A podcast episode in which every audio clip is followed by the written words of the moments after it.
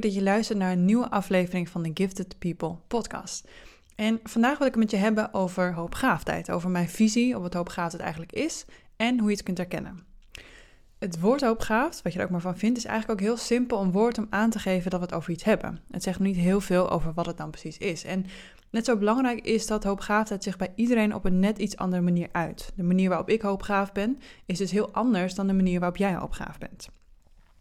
Als je het hebt over jouw hoopgaafdheid, is het dus ook heel belangrijk dat je vertelt hoe jij hoopgaaf bent. Wat het betekent voor jou, hoe het zich uit en in het verlengde daarvan wat jij dan nodig hebt. Hoogbegaafdheid is in ieder geval meer dan alleen een bovenmiddel intelligentie. Maar die bovenmiddel intelligentie is wel onderdeel van hoogbegaafdheid. Dus zal het niet altijd tot uiting komen zoals je dat verwacht. Er zijn namelijk ook verschillende soorten intelligentie. In Inzet en Hoopbegaafdheid, wat onderdeel van ons inzetprogramma is, deel ik ook uitgebreid over de rol van intelligentie in hoopbegaafdheid, zodat je kunt herkennen welke intelligentie bij jou speelt. Daarnaast zul je door hoe je bedraad bent soms ook gaan twijfelen aan jouw intelligentie. Ook al voel je jezelf echt wel dat je niet dom bent, kunnen er situaties zijn waarin jij je wel dom voelt en je daardoor dom gaat voelen. En dat maakt het lastig om jezelf als hoopgaaf te zien. Hoopgaafdheid is ook meer dan een aantal losse kenmerken. Herkenning vinden in een aantal deelkenmerken, zoals perfectionisme of de bovengemiddelde gevoeligheid, maakt dus nog niet hoopbegaafd. Daarom is het kunnen aanvinken van een korte checklist ook nog niet voldoende. Dat geeft alleen een vermoeden. Tegelijkertijd zul je je ook niet herkennen in alle deelkenmerken van hoopbegaafdheid. Sommige zijn minder op jou van toepassing of minder tot uiting gekomen vanwege de omgeving waarin je functioneert of in hebt gefunctioneerd. En daarom is het belangrijk om te kijken naar het totaalplaatje van hoogbegaafdheid. Een aantal jaar geleden heb ik daarom ook het AIS-model ontwikkeld. En dat AIS-model staat voor de drie belangrijkste hoofdkenmerken van hoogbegaafdheid. Je zult namelijk merken dat ook al is er veel diversiteit onder hoogbegaafden, je zult als hoogbegaafde altijd herkenning vinden in deze drie hoofdkenmerken. En als je hier herkenning in vindt, is het sowieso goed om jezelf meer in hoogbegaafden te gaan verdiepen. En het gaat daarbij ook niet eens zozeer om het label. Het gaat er ook niet om dat je dan tegen andere mensen moet of kunt zeggen dat je hoopgaaf bent. Het gaat erom dat je bepaalde dingen van jezelf beter gaat begrijpen, waardoor je ook beter begrijpt hoe jij bedraad bent en wat jij nodig hebt. En dat is de basis van het kunnen leven van het leven dat bij jou past. Alright, de drie hoofdkenmerken die samen een totaalplaatje vormen van hoopgaafdheid zijn de kenmerken anders, intens en snel. Het eerste kenmerk, anders, gaat over dat je fundamenteel anders bedraad bent. En hoewel je hoopgaaf kunt zijn zonder dat dit wordt opgemerkt of vastgesteld, merk je dat zelf wel. Je voelt je namelijk ook echt anders. En dat anders zijn is niet per se te verklaren of gemakkelijk onder woorden te brengen. Het anders zijn brengt mee dat je anders in de wereld staat en anders tegen dingen aankijkt, tegen de wereld aankijkt. En daardoor heb je soms het gevoel alsof je een soort van alien bent in deze wereld. Je hebt misschien het gevoel dat je op de verkeerde plek bent geboren of in de verkeerde tijd. Je ziet ernaast wat anderen niet zien of op een andere manier. En als gevolg interpreteer je vragen, opdrachten, toelichtingen en afspraken anders, waardoor je net niet doet wat de bedoeling is. Tegelijkertijd blijkt dat wat jij heel logisch vindt, voor anderen weer niet zo logisch of vanzelfsprekend blijkt te zijn, waardoor onbegrip en miscommunicatie kan ontstaan. En wanneer jij steeds de enige bent die iets op een bepaalde manier ziet, ga je op een bepaald moment ook aan jezelf twijfelen. En dat heeft logischerwijs ook een negatieve impact op jouw zelfbeeld en op het vertrouwen in jouw eigen intuïtie en intelligentie. In contact met anderen ervaar je daarnaast dat je functioneert op een andere frequentie. Je hoort er steeds net niet helemaal bij. Het is alsof je overal de vreemde eend in de bijt bent. En dat maakt het moeilijk om op een dieper niveau een hechte connectie aan te gaan met anderen, waardoor je je ook heel eenzaam kunt gaan voelen. Het vergroot ook de kans dat jij jezelf bovenmiddel gaat aanpassen. Als mensen zijn we namelijk sociale wezens en we vinden het belangrijk om onderdeel te zijn van een sociale groep. En aanpassen is op zichzelf ook niet vreemd of een probleem. Aanpassen doen we allemaal wel in het contact met die ander. Zoals het het compromis dat we met elkaar sluiten, zodat we elkaar kunnen begrijpen en een gedeelde frequentie kunnen vinden. Maar wanneer je weinig gelijkstemmen om je heen hebt, dan is de aanpassing die jij moet maken relatief groot. Jij hebt een langere afstand te overbruggen naar die ander bij het vinden van dezelfde frequentie. En jij zult als hoogbegaafde vrijwel automatisch die extra afstand afleggen.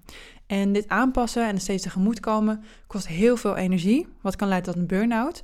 En het staat jou in de weg bij het vinden van wat klopt voor jou en het kunnen inzetten van jouw unieke gaven. Als je vooral in een omgeving functioneert met gelijkgestemden, zul je dat gevoel van anders zijn al veel minder ervaren. Het anders zijn is ook altijd in relatie natuurlijk tot het gemiddelde en de mensen om je heen. Bij gelijkstemden vind je ook gemakkelijker een gedeelde frequentie, waardoor je je minder hoeft aan te passen. Het is ook heel waardevol om zorg te dragen dat jij je daarom op de juiste plekken begeeft. Hè? Plekken die passen bij jou en jouw blauwdruk. Want dan uit jouw anderzijds zich vooral als een gave. De gave om buiten de lijntjes te kleuren. Autonoom te zijn. Te zien wat anderen niet zien, de discrepanties.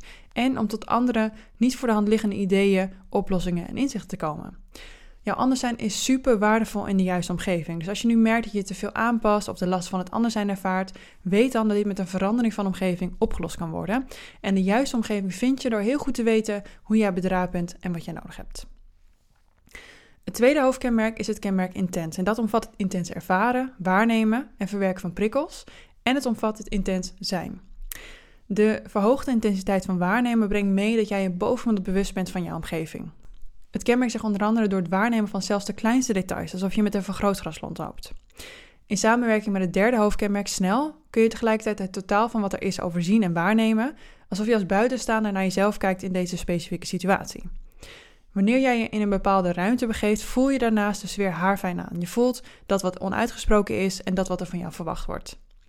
Een nadeel van deze intensiteit van waarnemen is dat je gemakkelijk overprikkeld kunt raken in omgevingen waarin er veel om jou heen gebeurt en ook soms in nieuwe situaties.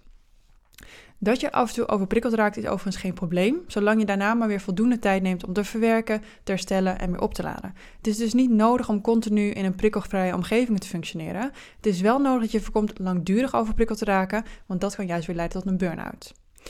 De intensiteit, kenmerkend voor hoopbegaafden, kan zich daarnaast in vertalen dat je vol enthousiasme jezelf ergens instort. Jezelf ergens intens verdiept of intens bezig bent met bijvoorbeeld een project of een idee, waardoor je ook je eigen energiebalans uit het oog verliest. Naast het intens doen en ergens intens bezig mee zijn, kunnen anderen jou ook als intens ervaren. Als hoopbegaafde word je dan regelmatig een beetje te genoemd. Te gevoelig, te intens, te emotioneel, te moeilijk doen, te moeilijk denken, te kritisch, te bedweterig, te koppig, etc. En Wanneer je vaak te wordt genoemd, kun je erkennen dat je functioneert in een omgeving waar je blijkbaar niet jouw natuurlijke energie en enthousiasme kwijt kunt. En daardoor ben je dan de hele tijd jezelf aan het inhouden en leef je vooral een leven waarin je op de rem staat.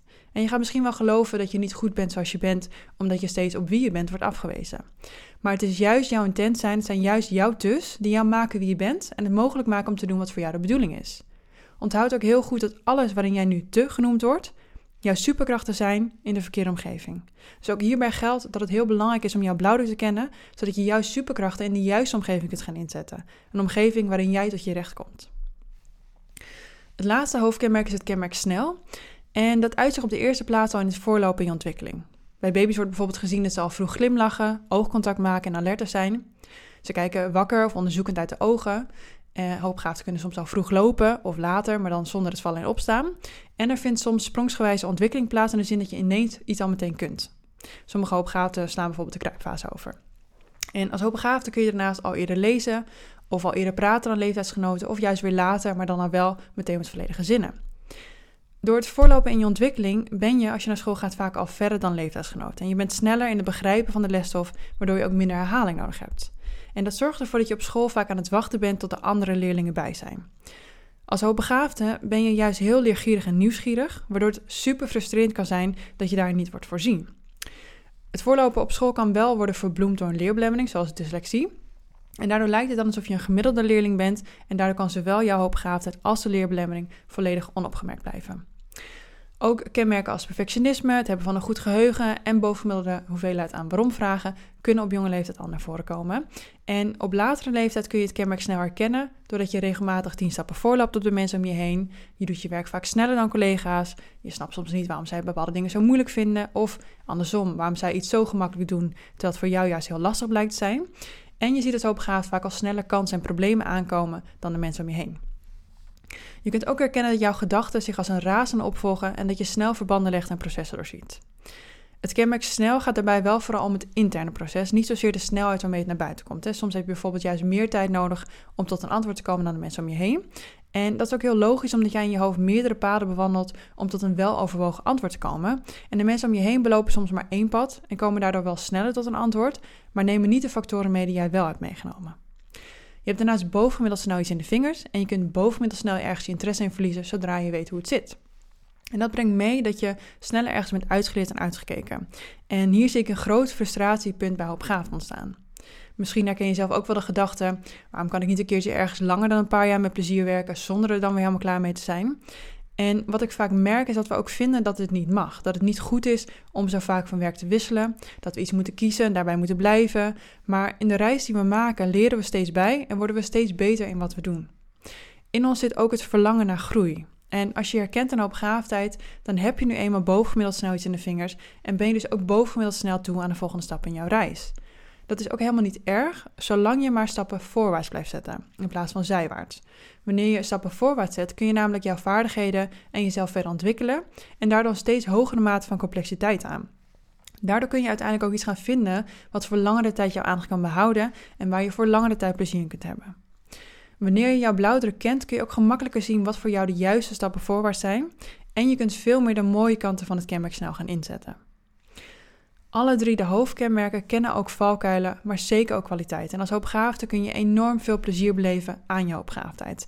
Maar wel als je begrijpt wat hoopbegaafdheid voor jou betekent. En als je een omgeving opzoekt waarin jouw anders intens en snel zijn gewaardeerd wordt, in plaats van alleen maar getolereerd wordt. Je bent niet voor niets anders intens en snel. En hoe mooi is het als je dat voor iets kunt inzetten waar je ook blij van wordt. En ja, dat vraagt wel wat van jou. Het vraagt dat je tijd en energie investeert in begrijpen waar jij op je plek bent. Dat je helder gaat maken, als je dat nog niet hebt, wat jouw blauwdruk is. En dat je de keuze maakt om in het verlengde daarvan te leven. Om in het verlengde daarvan jouw keuzes te maken. Ik hoop dat je met deze aflevering wat meer inzicht hebt mogen geven in hoopbegaafdheid. Het is mijn intentie om nog veel meer over hoopbegaafdheid te gaan delen, zodat we met elkaar steeds beter begrijpen wat hoopbegaafdheid is. En dat jij als hoopbegaafde jouw plek in deze mooie wereld kunt gaan innemen, zodat je jouw mooie en unieke gaven kunt gaan inzetten. Weet in ieder geval, je bent niet de enige. En als dat wel zo voelt, ga dan op zoek naar een omgeving met gelijke stem. Je gaat merken dat je ook daardoor jezelf veel beter gaat begrijpen.